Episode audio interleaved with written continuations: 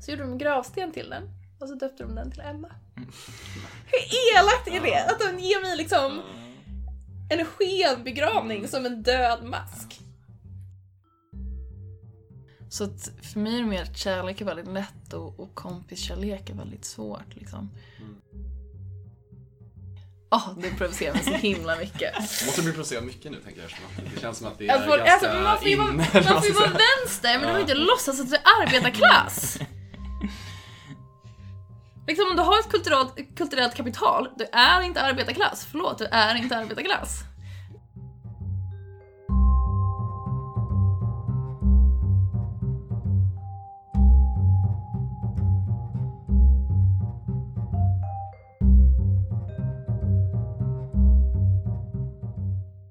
Det här är Velat, podden där gästens vänner ställer frågorna, men de gör det via oss och de gör det anonymt. Den här veckan har vi med oss eh, Arvida Byström. Arvida är en fotograf, konstnär och eh, influencer eh, som har rönt stora framgångar både i Sverige och eh, utomlands. Eh, om ni inte har koll på henne så rekommenderar jag att gå in och spana på hennes Instagramkonto, den heter Arvida Byström. I avsnittet så snackar vi ibland om Emma eh, och Emma är Arvida då Eh, så att ni inte behöver vara förvirrade. Det är det namnet som hon är döpt till. Om ni gillar podden så får ni jättegärna följa oss på Instagram och Twitter. Där heter vi Velat Podcast. Vi har också en mailadress som är velatpodcast.gmail.com. Och vi som gör den här podden heter Karl Borgkrans och Fredrik Kamp. Vilken är din favoritdoft, lukt för tillfället? Slash lukt. Lol, vem fan frågar det? Uh min flickvän. Vad, vad doftar hon? Jag tror dels hon har en parfym som är någon som eh, liksom eh, eh, liksom som eh, liksom ogendered parfym. Jag tror det är Comme des Garçons. Whatever. Eh, men hon luktar gott. är därför jag är ihop med henne. Nej, men en del av det. Ja, hur mycket går du på sånt överlag? Alltså känslo... Känner, känner du av mycket saker? Om du förstår vad jag menar. Eh, ja, alltså jag träffade ju henne, hon är ju super ny, ny flickvän. Så att eh, vi träffades ju online. Mm. Eh, och eh, hon bor i USA så jag bara eh, blev väldigt, alltså vi hade så extremt bra online chatt och sen så började vi ringa och det blev intensivt väldigt snabbt och jag bara gud det här är liksom världens bästa person. Eh, men jag var jättenojig kring att jag inte skulle, alltså, väl, alltså specifikt att jag inte skulle gilla hennes lukt. Det, det, är alltså, det är en stor grej alltså. Ja, men vadå? Alltså, Ja. Det ska ju vara så när man kommer nära någon så... Alltså, det är ju liksom lukt och eh, kroppen. Det känns ju på ett specifikt sätt som man inte kan påverka. Mm. Och det, det händer, i alla fall för mig så har det hänt några gånger att jag dejtat folk där jag inte känt det, men jag gillar dem personligen så himla mycket. Men till slut så måste man vara så här, shit, vi... Det är, det är någonting som saknas som jag inte kan påverka. Finns det något som är för personligt eller privat att göra konst av? Nej, men jag tror inte att jag är, jag tycker inte jag är så personlig eller privat i min konst. Jag är personlig men inte privat, så att... Eh, jo men det... Det som jag brukar försöka hålla mig ifrån är att eh, blanda in folk som inte vill vara inblandade. Så jag brukar försöka hålla eh, partners utanför om de inte om de inte liksom verkar vara väldigt chill med det och liksom personliga draman eller saker som händer med ens kompisar också. Det brukar jag lämna utanför. Sen så vet jag inte om det är för liksom, personligt, men det är ju så att så fort du blandar in någon annan så blir det väldigt krångligt. Eh, för folk tar ju väldigt illa upp. Har det Så- hänt då?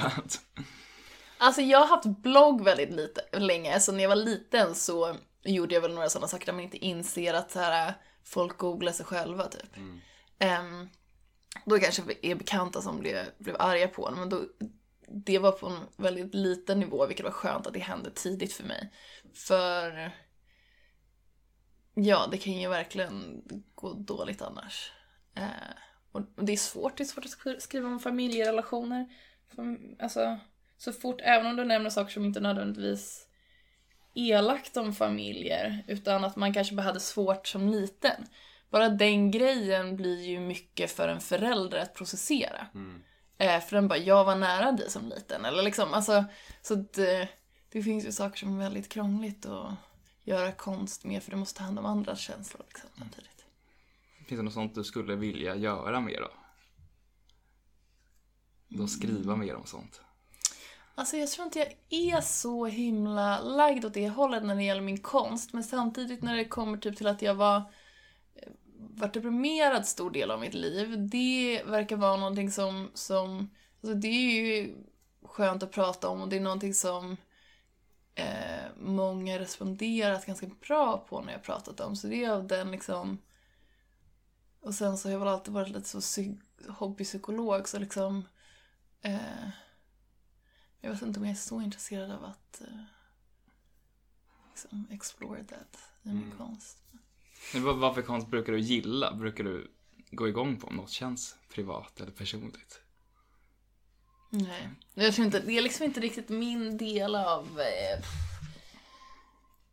Nej, jag tror att jag typ gillar eh, motsatsen. Jag är inte så intresserad av liksom konst som har om folks eh, privata liv att göra. Du var inne på det med familjen liksom.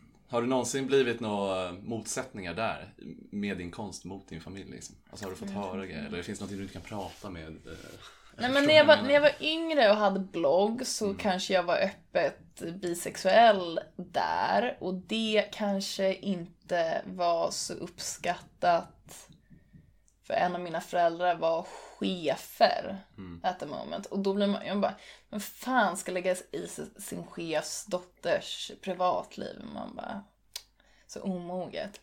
Eh, men så det kanske var lite frustrerande för en av mina föräldrar. Och sen så um, var jag med i psyket och pratade i P1 och pratade om min depression. Och det är ju mer att liksom, det blir ju Eh, sen så, så har min familj tagit det jättebra men det blir ändå saker att processera och att de kanske får frågor av kompisar. Eh, än att... Eh, så det... Men inte så mycket min konst så specifikt. Eller jo, alltså innan, innan jag började få jobb via min konst så tyckte ju mina föräldrar att vad jag, jag gjorde var konstigt liksom. Har, men, exakt, för har de alltid varit stöttande ändå eller? eh, Ja precis, nej de var inte stöttande Nej. för jag fick jobb via det, vilket är liksom nu är det länge sedan och mina föräldrar också utvecklats och är liksom mer mogna eller vad man ska säga. Men de såg ju allt jag gjorde som liksom det ondskefullaste i världen tills jag började få typ uppmärksamhet. De bara okej, hon gör någonting bra tydligen. Alltså varför de inte kunde förstå det liksom. Ja. Alltså såg de det som ondskefullt eller bara som De såg, det, varför? de såg det som ondskefullt för att jag kanske var väldigt deprimerad under den tiden och inte gick så mycket i skolan. Mm. Och då tyckte de att jag skolkade PGA, kanske min blogg och sånt, foto och sånt liksom. Hur känns det för dig då att de bara byter åsikt när det går bra? Ja, alltså gud, som sagt, jag vill, alltså jag tycker mina föräldrar, de är så gulliga, de har utvecklats precis som att jag har utvecklats, så att jag tror inte att det skulle vara likadant idag. Alltså nu är de extremt mycket förstå... Ja, liksom, det var, det var ju en period när jag och min bror var tonåringar, vi var väldigt jobbiga, vi, vi var väldigt eh, emotionellt långt ifrån våra föräldrar. Och det gick liksom båda vägarna och de det var mycket som liksom pågick runt omkring som gjorde att de inte kunde vara så öppna och kanske ta in ehm, det vi gjorde liksom. Eh, men det är klart att det är, det är väl också så samhället fungerar ganska mycket så fort man får speciellt alltså uppmärksamhet från institutioner, uppmärksamhet i form av pengar, eh, då gör man någonting rätt. Så det, det, jag skulle inte lägga det på mina föräldrar utan det var mer samhället liksom. Tyvärr fungerar så. Hur ser du på kärlek? Varför har du så lätt för att förälska dig så snabbt? Eller snarare om du anser att du har lätt för det? Gud, undrar vem som frågade det? Um, hur ser jag på kärlek? Gud, undrar vem som frågade det? Det kan ju inte vara... Jag bara undrar om det är min bästis som frågar det. Men det här, hon måste ju veta svaret på det. Mm. Um, alltså jag tycker att det är lättare att vara ihop med folk än att vara kompis med folk. Uh, så därför... Och att jag tror också att jag... Att för mig att dejta är liksom lite som eh, nu, nu när jag inte är deprimerad så är det inte riktigt samma sak men det har varit lite så en, en, en kick för mig. För att jag, alltså i, jag är väldigt bra på att umgås en och en. Och när man är en och en, om det får vara ännu mer intimt så är, alltså, jag tycker liksom den uppbyggnaden är väldigt lätt. Eh, så att för mig är det mer att kärlek är väldigt lätt och, och kompiskärlek är väldigt svårt. Liksom. Eh, så jag tror att jag tycker att det är lätt också bara så att jag liksom som liten fick väldigt mycket kärlek och, och på det sättet var mina föräldrar väldigt bra, väldigt liksom eh, kramiga, hälsosamma relationer. Så när det kommer till liksom också vardaglig kroppskontakt så eh, tycker jag det är väldigt lätt och det, det betyder liksom trygghet för mig. Så därför kan jag tycka att det är svårt med kompisar. Om jag inte får vara kramig med mina kompisar, då är det svårt att liksom få den, att liksom känna mig trygg. Eh, och om man får göra allt det när man har en partner, så det, det, ja, jag tycker att det är liksom det lättaste som finns. Och en kompis är krånglig. Men Blir det mycket problem med det här då? Alltså, blir du avgränsad av det? Förstår du vad jag menar? Ja, vad? Nej men jag tänker att blir det mycket att du hänger med typ en person då? Eh, Mm. Ja, I precis. stora perioder och så kanske lämnar allt annat liksom, eller? Ja, alltså definitivt när jag varit deprimerad, då har jag ju kunnat släppa allt. Alltså jag flyttade ju till LA för att jag blev kär i en person. Eh, så att alltså, ja, nej men eh, när, när jag är deprimerad och bara går på den känslan, det blir ju ganska ohälsosamt. Eh, man får väldigt så codependent relation och har svårt att göra saker själv och liksom, så det blir ju, det blir ju, kan bli väldigt ohälsosamt. Men när man mår bra mår det väldigt bra. Men också så här, jag har senaste året inte varit ihop med någon och jobbat väldigt mycket på att se till att eh, det som är lite krångligt, alltså kompisar för mig fungerar och att jag liksom finns där för dem. Och, och, eh, för det är väldigt viktigt för mig också så att man inte...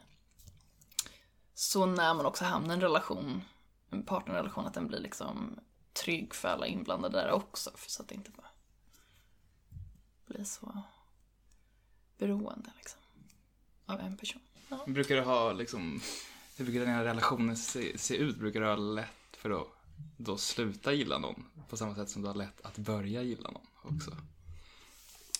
Alltså min första, om det är bara en sån crush liksom som kanske håller på några månader, då har jag väldigt lätt, jag har väldigt lätt att gå vidare men jag tror jag ofta har väldigt mycket känslor för personen fortfarande och liksom och mitt ex som är den som jag varit ihop med längst någonsin, nu är jag ihop i tre år, hon när jag gjorde slut, då var jag fortfarande kär i henne men jag är också ganska, på något konstigt dubbelt sätt, väldigt sund kring relationer. Jag bara, vi får inte varandra att må bra längre. Det här är liksom inte bra. Så då gjorde jag slut. Men, men jag var definitivt fortfarande kär i henne. Så jag tror så här, de känslorna jag har för folk brukar nästan alltid vara där för alltid liksom.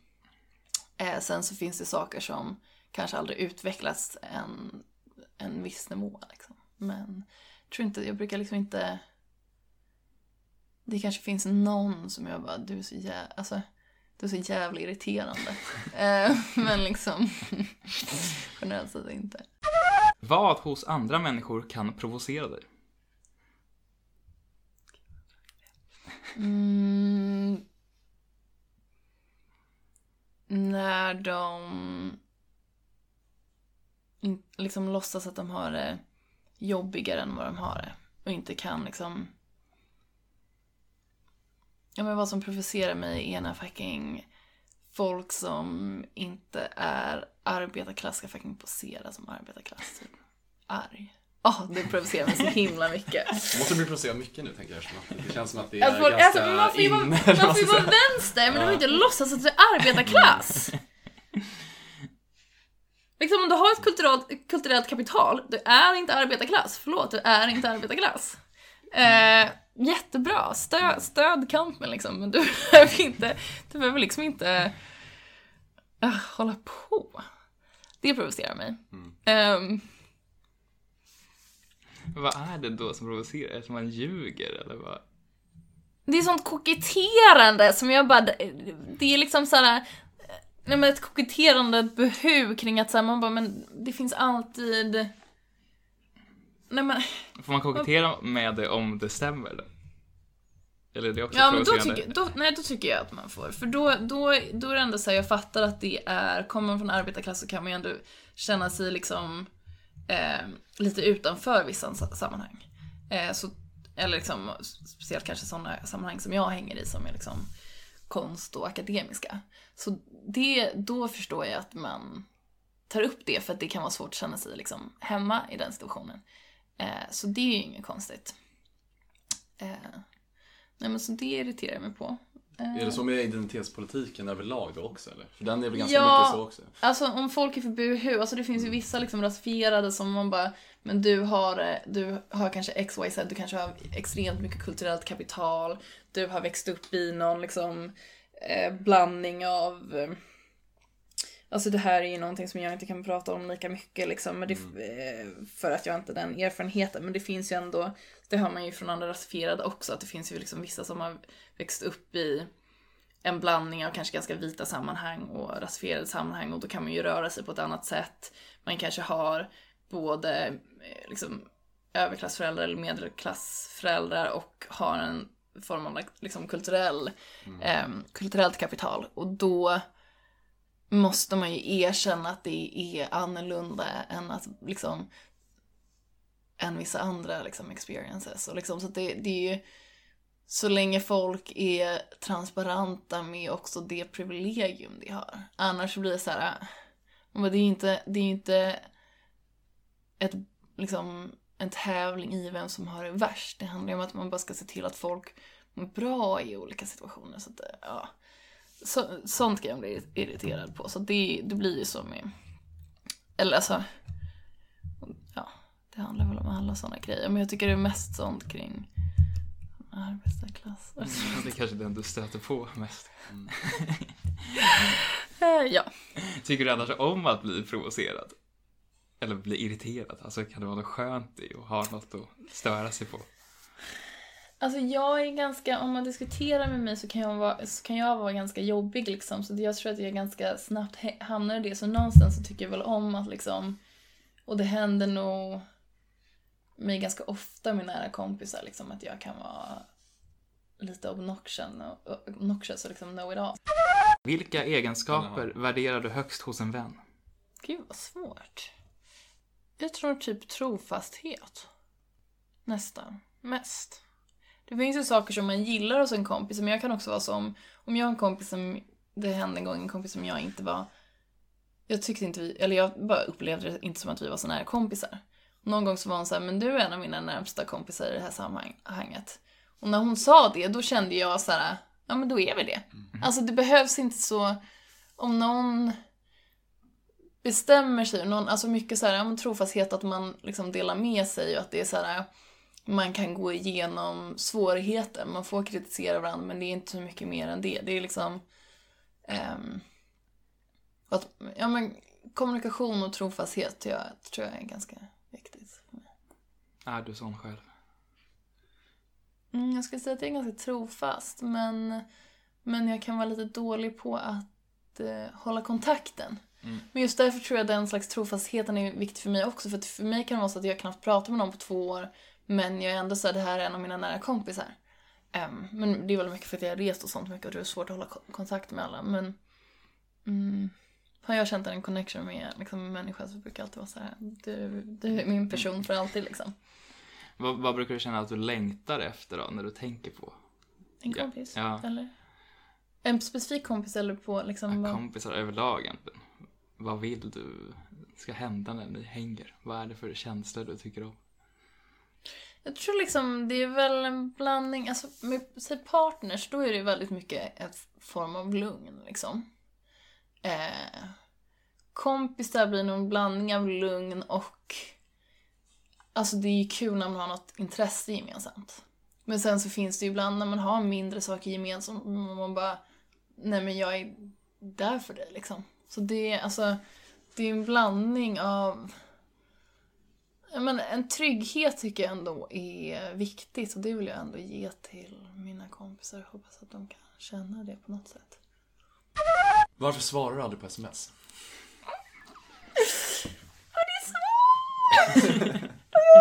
Inte, jag får bara sån... Eh, jag undrar om det är min mamma eller Lo som frågar det här. Eh, alltså... Jag tycker det är svårt. Ibland när jag ska svara på sms så... Eh, min hjärna liksom slutar fungera. Jag tycker det är skitsvårt. Jag Va, kan- vad är svårt, tror du? Nej, men jag kan svara på sms om jag inte måste svara på sms. Så fort jag måste svara på sms, eh, det, det går liksom inte. Är det så med annat också då? Alltså att om det är så här, eh, jag- ju fastare någonting blir liksom, att du eh, flyr från det. Liksom. Jag vet inte, ibland så... Några kompisar som har ADD bara, "Det får- det låter som du har ADD. Men jag tycker ändå att jag är så, eh, inte så kring massor med andra saker, men... ehm, Vad innebär det att måste svara på sms? att någon behöver någon specifik info, information från mig via ett sms. Det känns ju annars som det vanliga, att det är det som är lätt att svara på. Och så svarar man inte på de här som är lite vagare. Nej, men så gulliga och roliga sms, de, de är ju roliga att svara på. Mm. Och det... Men sen också, jag vet inte, sms är... Så liten skärm. Ja, är det bara sms som det här gäller? Svarar du i telefon och liksom, eh, du är ju bra på att svara på mail typ. När vi... Ja, e-mail är jag ganska bra på. Eh, tills jag inte är bra. Alltså då, för då blir liksom en hel inbox helt full liksom. Mm. Nej men e-mail är jag ganska bra på. Men de brukar vara så, så extremt... eh, Det, jag tror också extra mycket, alltså en liten, liten... Nej men det är någonting med sms, jag vet inte varför, det stressar mig så himla mycket. Kanske att det plingar hela tiden, man är så liksom... eh, Folk kan få liksom kontakta en så lätt. Och sen ringa, alltså jag svarar ju inte alltid. Ibland kollar jag på telefonen. Och svarar inte. Jag tycker du, är det liksom, är det positivt eller negativt med att all den interaktionen som finns, alltså överlag? Skulle du, om du kunde välja, hade du velat gå tillbaka till typ så här 80-talet eller någonting? Det inte... Nej, jag hade velat gå tillbaks till ehm, när man inte hade smartphones. Mm. Då är ju fortfarande smsen där. Mm. Men då är... Ja. Men Sms, ändå ja, jag kan nog liksom... Sms är väl bra för många och ibland Mm. så är sms bra. Mm. Men liksom... Får du skit för det här förresten? Är det här en grej i din Ja, det här är en grej. Det här är en grej i mitt, i mitt privatliv. Att jag inte svarar på sms och Mm. det är verkligen en grej. Varför skickar folk sms då? Då borde de ju bara... Ja, man måste ju få ta kontakt med mig på Jo. något sätt. Ja, alltså då ringa så svarar jag inte heller. Nej, så. okej, okej, okej. Så det är problem med mamma, det är problem Mm. med bästis. Det är än så länge inte ett problem med min flickvän men Det kommer hon, bli det. Men hon kommer märka varnat henne. Nej men, när jag börjar bli stressad liksom, Mm. då, då kan jag bara inte svara på Har sms. det alltid varit så här? Eller är det något som har utvecklats över tid? Jag tror jag har nog alltid varit så här. Mm. Finns det någon prestationsångest i att svara bra på smsen? Nej. Nej, det tror jag inte att det handlar om. Jag tror bara, det blir bara kaos i min hjärna liksom. Och sen så vet jag ju på e-mail så kan ju folk tycka, men det handlar väl om att jag försöker svara konkret och inte, alltså ibland på e-mail så är jag gullig liksom. Men ofta är jag väldigt, eh, svarar väldigt snabbt och kort och koncis på e-mail. Och vissa tycker att jag är liksom kall på e-mail. Men jag bara, men då får jag det gjort i alla fall.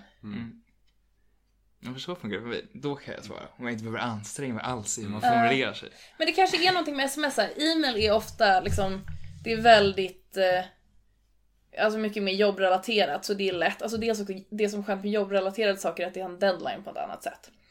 Ehm, med kompisrelationer, då kanske man får ett sms som är en blandning av att ta ställning till att hänga och planera kring det. Alltså jag är helt, om någon vill fråga vad jag vill äta, alltså det kan inte jag, jag är jättedålig på att svara på det. Jag vill aldrig re- välja restaurang, liksom, det går inte för mig.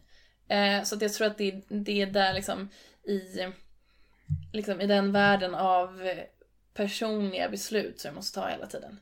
Eh, de är jag väldigt dålig på att ta, det är kanske där liksom sms kommer in. Hur funkar det när du jobbar då? Kör du mer on the fly då eller är det liksom att... Eh... Men med jobb så är det bättre för då har jag deadline som sagt. Och det, då måste jag bara ta ett beslut. Mm. Eh, ofta så är det precis, du måste ta ett beslut till hit. Man bara okej, ja, men då har jag ett beslut till Mm. där. Men det är inte, alltså folk är inte så här: okej vi ska välja restaurang, du måste, du har två minuter på dig. Det kanske är det de får Då skulle jag bara göra. säga någonting. Ja. Kände du dig utanför när du var barn? Nej. Varför tror du att du får den frågan? För att folk tycker att jag är konstig. Jag tycker inte jag är konstig. Jag har aldrig, alltså... Nej men okej, just här. Nej men jag har aldrig känt mig som en konstig person. Sen så tror jag att ibland i vissa sammanhang kanske folk tycker att jag är en konstig person. Men jag tror också att jag har varit i sammanhang där jag inte är så konstig. Men jag var mobbad när jag var alltså, på dagis. Och det visste inte jag förrän jag var äldre och nämnde för mamman en gång. Att... Eh, jag bara... En gång satt jag i det här stora lekrummet och så gick alla förbi och stirrade på mig och jag var ledsen liksom. Mamma bara, ja det var ju lite mobbat på dagis. Jag bara, "Ja."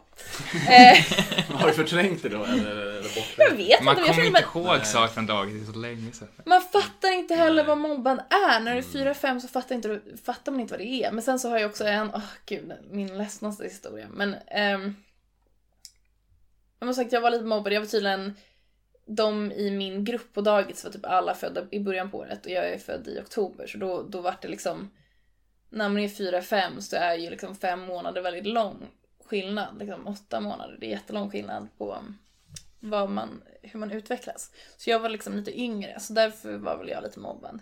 Och någon gång så minns jag att några på dagis i min årskurs, de begra- begravde en mask som var död. Så gjorde de en gravsten till den och så döpte de den till Emma. Hur elakt är det? Att de ger mig liksom en skenbegravning som en död mask.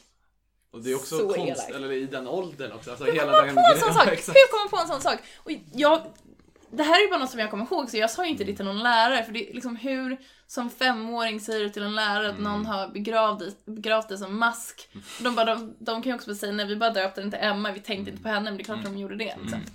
Ehm, Hur var det då? då liksom? Hur tacklade du Alltså hur mycket jag minns bara att jag var jätteledsen. Ja. Alltså, och jag kommer ihåg det än idag liksom, så jag var ledsen. Ehm, men alltså jag har ändå aldrig känt mig, jag har aldrig känt mig som en sån som bara alla är så korkade, jag är så... Eller liksom, jag har aldrig känt mig som en sån missförstådd person, även om jag kanske då har varit det. Men, Har du alltid liksom haft eh, kompisar och sånt? Men uppenbarligen inte. Efter dagis då? Dagis är så separat period, då man ja, inte är men- en människa ens. Ja men sen så var jag det konstiga var ju att mina två bästisar när jag gick eh, i ettan till sexan var de två coolaste tjejerna i klassen. Så dumt. Det var sämsta matchen någonsin. Eh, så jag var lite mobbad från de- dem till och från. Och till slut så böt jag skolan när jag gick i sexan. Eh, för jag har ändå, och det kanske är för att mina föräldrar har varit väldigt kärleksfulla liksom. Så jag har ändå alltid varit såhär, men jag har ett personligt värde liksom. Och så här ska inte jag behöva bli behandlad. Så då böt jag skolan i mitten av sexan. Och sen dess, de kompisarna som jag fick då är samma kompisar som jag, alltså några av mina äldsta kompisar som bara forever i, i mitt hjärta liksom. Och som jag umgås mycket med. Um, så då, alltså vi, och då var vi, vi var liksom alternativa tillsammans. Och det var ju mer såhär, då var man alternativ i en, vi fick såhär internetkompisar som vi hängde med från andra delar av Stockholm. Så det var bara så här. då var man ju alternativ i en alternativ kontext och då var man ju inte konstig heller för Nej. man var i Man var kontexten normal i den alternativ. kontexten. Ja, exakt, precis. ja. Så det var subkulturgrej liksom. Vi har ju även fått som ett lite på temat. Vad är den största skillnaden på MA27 mot MA15? Alltså jag vet inte, gud det är ju skillnad men det är så svårt att komma ihåg hur man var. Nej exakt, för jag känner i mångt och mycket så känns det som att man är ju typ 15 idag också. Precis. Bara att man är, som du säger, mer erfarenhet, mer liksom eh, fattar mer grejer. Ja det är lite mer, alltså man är som så Pokémon, att man är som Mm. en mer utvecklad version. Alltså man är ju samma, bara ja, lite. Ja, men exakt, exakt. Men är det inte ofta att man, man är typ samma person men man vågar visa det utåt mer vad man är? Ja, och man är inte så... Jag blir nog mindre och mindre defensiv. Mm. Det är någonting som jag jobbar på fortfarande. Men att man liksom, känner man sig korkad och så, så kan man bli defensiv. Och så här, man, eh, man, kan ju vara mer, man blir mer och mer ödmjuk. Eh, och kan liksom acceptera sina dåliga sidor. Eh, och skämta om dem. När man var liten kanske man tyckte att det var jobbigt att man var dåligt på något. Eller jobbigt att man inte kunde allt. Och man bara... Jag vet inte, det är väl klart att du inte kan allting om typ så här Bill Clinton eller liksom jag vet inte, Palestina. Alltså du vet saker som man bara när man är 12, man bara det här borde jag kunna för alla vänstermänniskor kan det eller. Man bara, du är 12, fråga någon istället. Alltså, du vet. Eh, så typ sådana saker. Hur mycket av karaktären Eleonor Arvida Byström stämmer överens med den riktiga Arvida? Lalalala. Inom parentes i mästerverket Punani. Ja, Nanna, shoutout. Eh, vad stämmer överens? Det var en radioteater på eh, Sveriges Radio kan vi väl säga. Ja, precis. Som, som jag medverkade som en version av mig själv. Ehm, jag skulle säga så här, jag tror att den stämmer överens väldigt mycket så här mediabilden av vad, om någon aldrig har träffat mig så tror jag att de skulle kunna få för, för sig att jag är på det sättet. Eller kanske att det skulle vara så i relation till en riktigt jävla kaxig yngre person som är, som jag finner väldigt irriterande. Då kanske jag skulle försöka trycka till den lite. Men det är inte riktigt, det är inte riktigt min läggning att vara så tilltryckande liksom. Eh, För där spelar jag liksom en version av mig som liksom, ganska taskig. Ja, Vem, vem kom på att den skulle vara så? Var du inblandad i alls? Nej men det var Nanna som var så här. Kan du spela dig själv? Och så har hon skrivit liksom lite vad jag ska säga. Jag bara, great.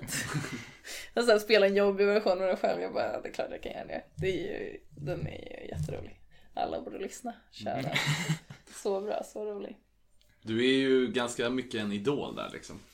I, Ja. eller liksom, du byggs ju upp som att ah, du är den coolaste som någonsin liksom. Hur mycket känner du dig så? Eh, Alltså personligen inte alls, men också jag kan säga att det är väldigt stor skillnad på att vara 22 och vara nu på det sättet att folk tycker att jag är cool och det gör ju saker mycket lättare i sociala sammanhang. Så jag beter mig väldigt likadant som när jag var yngre. Ehm, men speciellt i liksom gruppsammanhang. Men när jag var yngre så läste folk mig som blyg. Nu så om jag är tyst i ett eh, i liksom gruppsammanhang så är det så här att jag är för cool. Eh, man bara ledsen, jag pratar mig inte i gruppsammanhang liksom. Alltså så det, det, men det är ändå en skönare position att ha. Att folk eh, när jag är tyst upplever mig som dryg och smart än eh, liksom tyst och eh, ung och korkad liksom. Hur tänker du kring att kalla dig konstnär och samtidigt vara influencer och göra reklam för världsföretag? Mm. Gud, vad som hamnar där ute. Eh, alltså, det är ju, gud, så extremt stor fråga så att den är nästan svår att röra på det sättet. Men ehm, eh, dels är ju pengar kommer ju typ alltid från smutsiga eh, håll, tyvärr. Så att liksom att vara konstnär är ju i princip eh, omöjligt pengamässigt liksom. Eh, så då behöver man få pengar någonstans ifrån. Och det gör jag ju liksom via det kommersiella och det influencermässiga. Och det blir ju det som jag tycker är intressant med det. Alltså det svåraste jag tycker med sådana stora företag är att eh, eh, hur de använder arbetskraft i andra delar av världen och hur liksom miljöavtrycket på det. Det har jag, det är bara svårt. Tyvärr så mycket, mycket pengar kommer från sådana ställen liksom. Så att eh, även om jag skulle ändra jobb så skulle det ju på något sätt eh, flätas in i, eh, i samma värld ofta.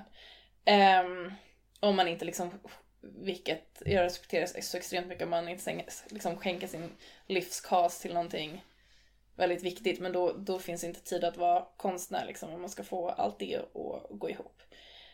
Um, så... Men liksom det som jag tycker är intressant med att vara konstnär och influencer är att det är liksom hög och lågkultur och att de inte är sammanförbara. Och att liksom att vara influencer är någonting som är väldigt feminiserat, något som är liksom väldigt lågt på någon form av eh, skala av kultur liksom. Så där tycker jag det är intressant. Och sen så är det en del som är väldigt problematisk. Hur, finns det någonting som du känner att, eh, eller det är ju klart det gör det, men var går din gräns liksom? I vilka företag man kan göra reklam för och så. Mm. Mm, Även om det är svårt liksom. fan, jag vet inte. På sätt och vis skulle jag säga att det- jag inte har så många gränser. Men sen i relation till många andra så har jag ju många gränser. Inser jag ju, eller hur? Liksom. Men bara för att jag tycker att jag redan liksom jobbar med företag som är smutsiga. Men så här. Vissa som har, ibland så är det ju svårt att veta vad deras budskap är innan det kommer ut. För det kan, de, alltså företag kan ju hålla sig väldigt luddiga kring mycket saker. Men jag säger nej till mycket saker där jag tycker Alltså där, om, ett företag säger, liksom vill att jag ska säga rakt ut att jag är feminist i deras kampanj så gör jag inte det. Eh, gud, jag har sagt nej till så himla mycket saker. Alltså det är ändå bra, liksom bra betalt men ibland så blir man så här. Jag menar, dels är det för dåligt för betalt. Jag, bara, jag, jag tänker inte liksom ehm, ge bort en stor del av mig för liksom exposure. Det- Folk måste, alltså det måste vara bra betalt för att eh, annars kan jag göra min egen grej. Och annars gör jag mina egna grejer liksom. Så att, eh, och sen också som sagt ibland så har ju folk eh, Alltså när folk försöker sälja saker som deras företag inte säljer, alltså så här feminism. Ni säljer inte feminism, ni är inte politiker, ni är inte, alltså så här, eh, då brukar jag försöka säga nej till det, det men liksom, sen så kanske folk försöker utnyttja mig på det sättet ändå. Men för mig är det viktigt att det liksom inte, alltså feminism för mig handlar ju också om arbetares rättigheter och det, så det är ju inte riktigt sammanförligt med många företag. Ehm, Med hela hm grejen där, med Sara Larsson. Mm. det blev ju massa tjafs efter. Påverkade det dig på något sätt? Gud, vet du vad? Det märkte inte ens jag för jag var utomlands. Ja. Jag fick reda på det sen. Mm. Eh, jag bara, jaha, det här var en grej. Eh, nej, det rör inte mig överhuvudtaget. Men sen så är det ju, det är ju ändå bra att den kritiken kommer upp. Mm. Eh, för där är en så här, H&M försöker sälja feminism, vilket liksom inte går. Mm. Eh, och det är ju bra, det är ju väldigt bra. Så det är ju diskussioner som definitivt behöver komma upp, att H&M har lovat och har råd att betala eh, sina arbetare living wages.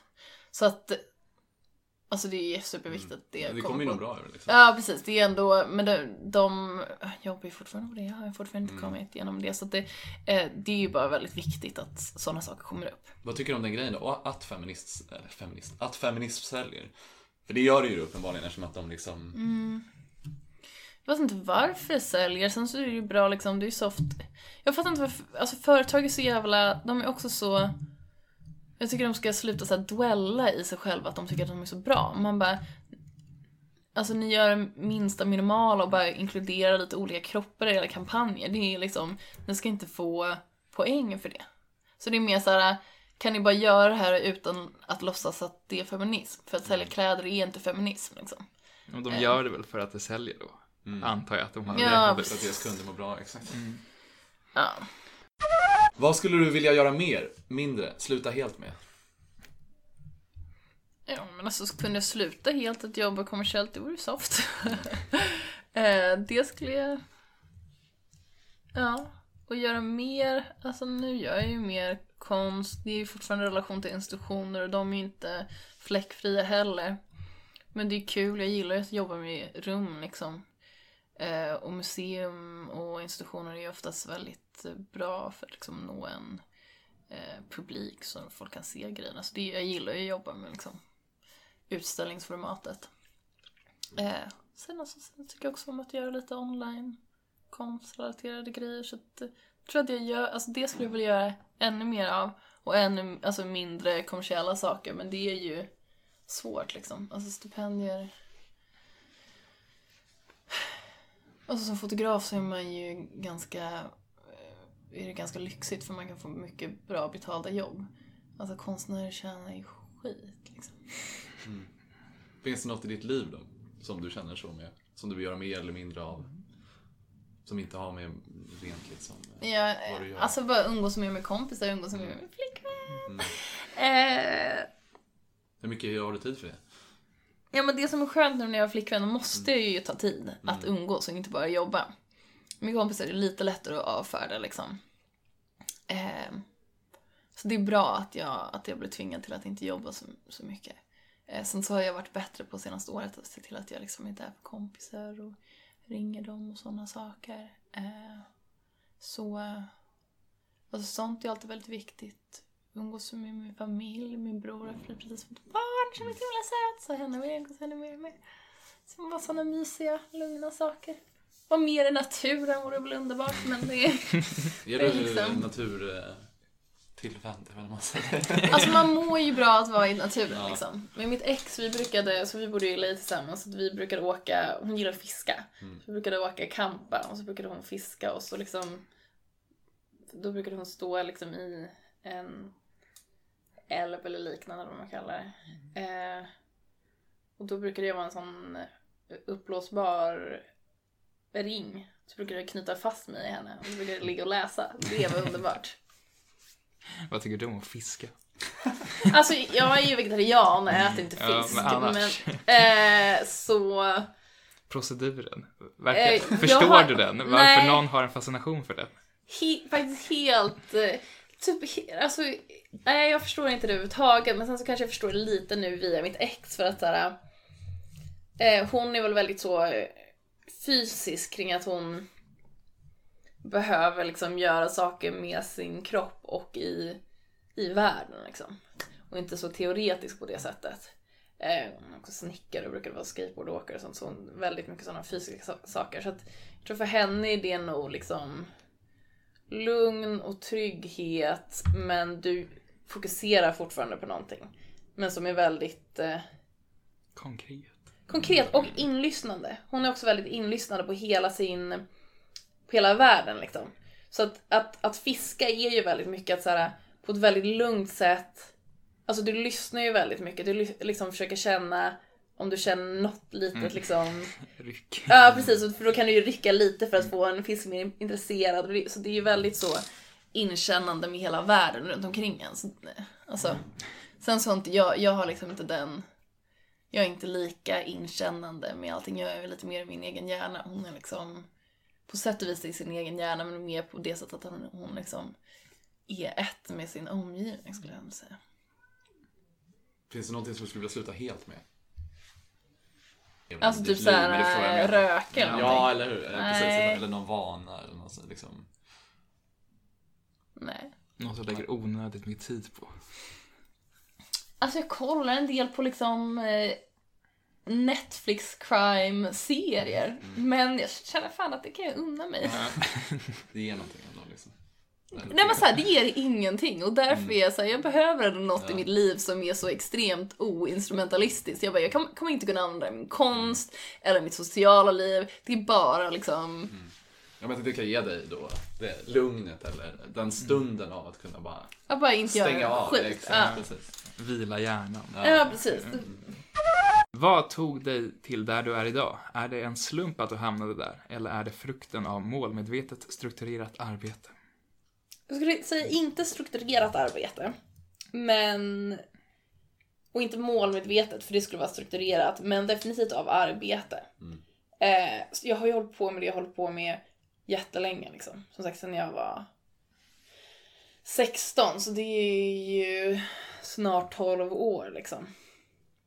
15, 16 till och med, så 12-13 år. Eh, så att allting har bara sakta växt liksom. Jag, jag har aldrig haft en sån här grej som bara boom och så händer det. Utan det har bara alltid sakta växt. Eh, och det är väldigt skönt för då är jag liksom inte så... Jag vet att så här, blir någonting, eh, något som får spinn ett tag som, jag, som irriterar mig liksom. Eh, eller som jag inte håller med om eller som jag tycker är ett liksom, tråkig del av min konst eller någonting. Så jag vet att det går ändå iväg och jag har någonting som är liksom jag har byggt på väldigt länge. Eh, Så att, eh, jag tror att det gör mig ganska lugn i det jag håller på med. Liksom. Eh, Men ja, nej. Mycket arbete men inte strukturerat arbete för jag har inte liksom planerat att jag vill på ett specifikt ställe utan mycket för mig handlar mer om att så här, sakta känna mig för. Jag kanske gör lite så här, när jag jobbar åt ett visst håll så blir det så här, det här tycker jag inte om så mycket men här kanske jag får pengar. Hur kan jag styra iväg lite från det? Och liksom så att allting handlar mer om liksom att sakta styra åt håll som jag mår bra åt liksom och, och bry mig om. Hur tidigt började du tänka på det som ett potentiellt jobb? Ehm, som ett potentiellt jobb. Alltså när jag var sju ville jag bli konstnär så. Mm. Det har alltid varit det som gäller. Mindre. Innan ville jag vara prinsessa och tag ville jag vara delfinskötare men det är skönt, skönt att det inte är för alla delfiner är ju deprimerade så. Ja, har det varit mycket motgångar då? Eller hur, hur liksom, eh, smärtfritt har det gått? Mm, det har nog varit en del. Alltså när man är deprimerad så är allting en motgång. Så att eh, största delen av mitt liv har bara varit en stor jävla motgång. I självhat liksom. Och sen så här, det är ju krångligt när man är deprimerad och typ får kritik. För att, inte för att, för jag har alltid på ett sätt och vis varit öppen för kritik. För jag bara, det är klart att man kritiserar saker jag kritiserar mig själv hela tiden. Så jag fattar ju att folk kritiserar. Men när man mår skit och får kritik så är det ju mer, man bara, ja man kanske bara ska gå och ta livet. så du vet, så att det, ja. Nej men det är väl motgångar. Men så är väl livet liksom. Men sen skulle jag säga att det är nog mest inte motgångar. Hur hanterar du när du är inne i depressioner? Att liksom klara av att driva dig framåt ändå? Att inte bara lägga dig ner och inte göra någonting liksom. Alltså, jag tror att mycket handlar om att jag bara, om jag inte gör det här imorgon så kommer inte jag eh, kunna betala hyran. Mm. Eh, Så väldigt mycket mer, mycket som materiella kon- konkreta saker får mig att eh, ändå inte liksom lägga livet helt på hyllan. Sen så har jag ju haft, alltså jag, har ju, jag är ju frilans, jag har ju kunnat ibland leva ett liv som är relativt liksom avstängt när jag är deprimerad också. Så jag kan ju liksom göra ingenting vissa dagar. Så det gör jag ibland när jag är deprimerad. Hur stark är din inre drivkraft då? Är den... Eh, det måste ju vara eh, hyfsat liksom... Eh, är du liksom disciplinerad på det sättet? Jag ska inte säga att jag är så di- disciplinerad, men jag kan ju inte, jag kan liksom inte jämföra mig med någon annan. Mm. Så att, eh, för jag är ju bara med mig själv Jo. Hela tiden. Men du har inget problem med det i alla fall? Att motivera dig liksom till att göra saker? Mm, jo.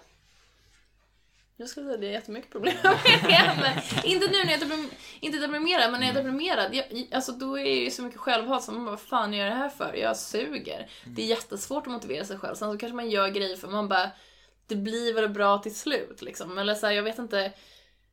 Jag tänker att det borde vara extra svårt när du måste vara typ kreativ och komma Ja, på egna man- saker. När man gör egna, det är alltid svårast att jobba med sina egna projekt. Men sen så lär man sig ju det också. Att man bara, okej det här är svårare. Då får jag acceptera att det här är en saktare process. Mm. När man gör saker för andra, då kan man alltid skylla på att det är från någon annan, att man inte bryr sig så mycket om det. Men när det är saker som man bryr sig om själv, då blir man ju jättesårbar. Speciellt inför sig själv. Ehm. Så det är, ju, det är alltid det svåraste när man jobbar med sina egna projekt. Vad eh, ger dig mening då? Alltså i, dina, i ditt skapande liksom. Vad är det som eh, gör att det är så värt för dig att göra? Det är en svår fråga men. Ja, alltså i för, liksom, i förhållande till min konst. Mm. Vet inte, det är kul när man själv nördar ner på någonting och när det är, alltså för mig när det också började liksom lossna för mig konstmässigt var nog när jag kunde sluta fokusera på mig själv och jag tänker mer i form av liksom strukturer och eh, kanske politik eller trender eller konstvetenskap. Liksom. Det är sånt som jag tycker är intressant och jag tycker det är skönare att lägga det på den nivån. Det är det som jag är intresserad av och som, som får mig att skapa. Liksom. För att jag tror att jag tog någon, något... em, Just för sen när jag var yngre så kanske var såna Ryan, Ryan McGinley-foton var inne. Eller så här Lina just Sen så är hon en ganska liksom, hon är jättegullig. Eh, men är också kanske en ganska ensam person får jag för mig. Så att hon tar ju ändå ganska personliga foton på det sättet. Men jag kunde, när jag var typ 18 så var jag såhär, jag kan inte göra konst som är centrerad kring mitt liv, för mitt liv är inte tillräckligt intressant. Jag är för deprimerad och det blir för mycket, jag fattar det är fint att jag var deprimerad, men jag bara det går inte och det blir för mycket press på mig själv om jag ska ha ett kul liv. Jag kan liksom inte skapa min konst kring det. Eh, så då började jag göra den på ett sätt som liksom för mig fungerar och är intresserande och lägger mindre press på mitt personliga liv liksom.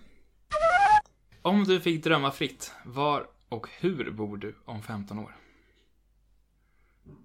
Alltså om 15 år, då... Eh, min flickvän är ju amerikansk, hon bor i New York.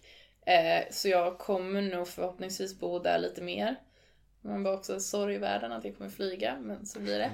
Eh, men om 15 år vill jag definitivt bo i Sverige för då hoppas jag att vi har barn och bor här. För jag vill inte ha barn någon annanstans.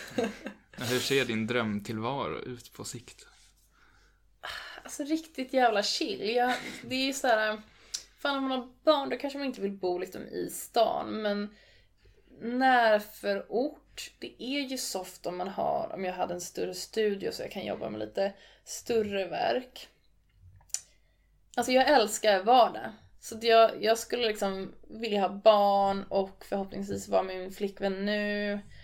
Eh, för jag tror att vi skulle ha, kunna ha ett väldigt bra så vardagsliv tillsammans. Jag älskar allt som är liksom att få vardagsrutiner. Dricka kaffe på morgonen.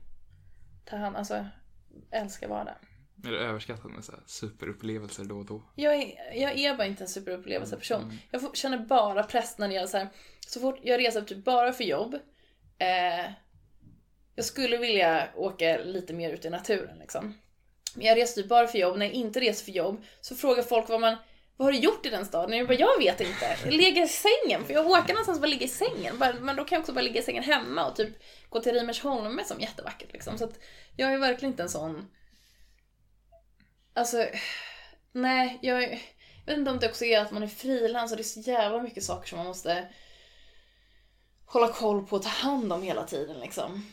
Eh, som är så okonstanta. Så alltså, jag älskar liksom jag älskar att gå till samma fik, om jag får väl, välja restaurang så går jag helst till samma restaurang. Alltså jag, jag är inte en sån person som vill ha eh, förändring hela tiden. Jag gillar såna vardagliga saker. Det är det bästa. Alltså, när jag har en bra relation, det är när man bara eh, dricker kaffe tillsammans. Att man typ sitter i sängen och dricker, dricker kaffe tillsammans. Bästa, det viktigaste som jag fungerar i ens liv. Mm. Hur kändes det där? Var det, kändes lugnt? Ja, det känns helt Ja. lugnt. Ingenting som du kände såhär, ah, shit. Nej, man undrar vem som frågade vad då. Mm. Det här är fan Har du någon... eh, Någon fråga som är extra, Som jag undrar extra, extra. nyfiken? Mm, ja, fan det var någon där. Vilken var det? Eh, kanske den kring hur jag känner som influencer. Mm. Eh, för jag undrar vem som frågar det. Jag undrar, antingen så tänker jag att det kanske är Lo som frågar för att hon tänker att eh, vi har diskuterat det mycket så det kanske är intressant för andra att höra. Eller så är det någon som inte som inte vet det helt enkelt. Men vad fan skulle det vara? Vill du göra reklam för någonting? Jag, vänta när kommer den här ut? På tisdag? Ja men jag är med i ett tak på Bonniers konsthall den 10 april. Eh, som handlar om nordiskt foto. Eh, och det är en jättebra utställning där med Torbjörn Rödland som är en jätteduktig fotograf som jag faktiskt älskar. Så jag bara gör reklam för Bonniers men alltså gå och kolla på den utställningen, den är bra.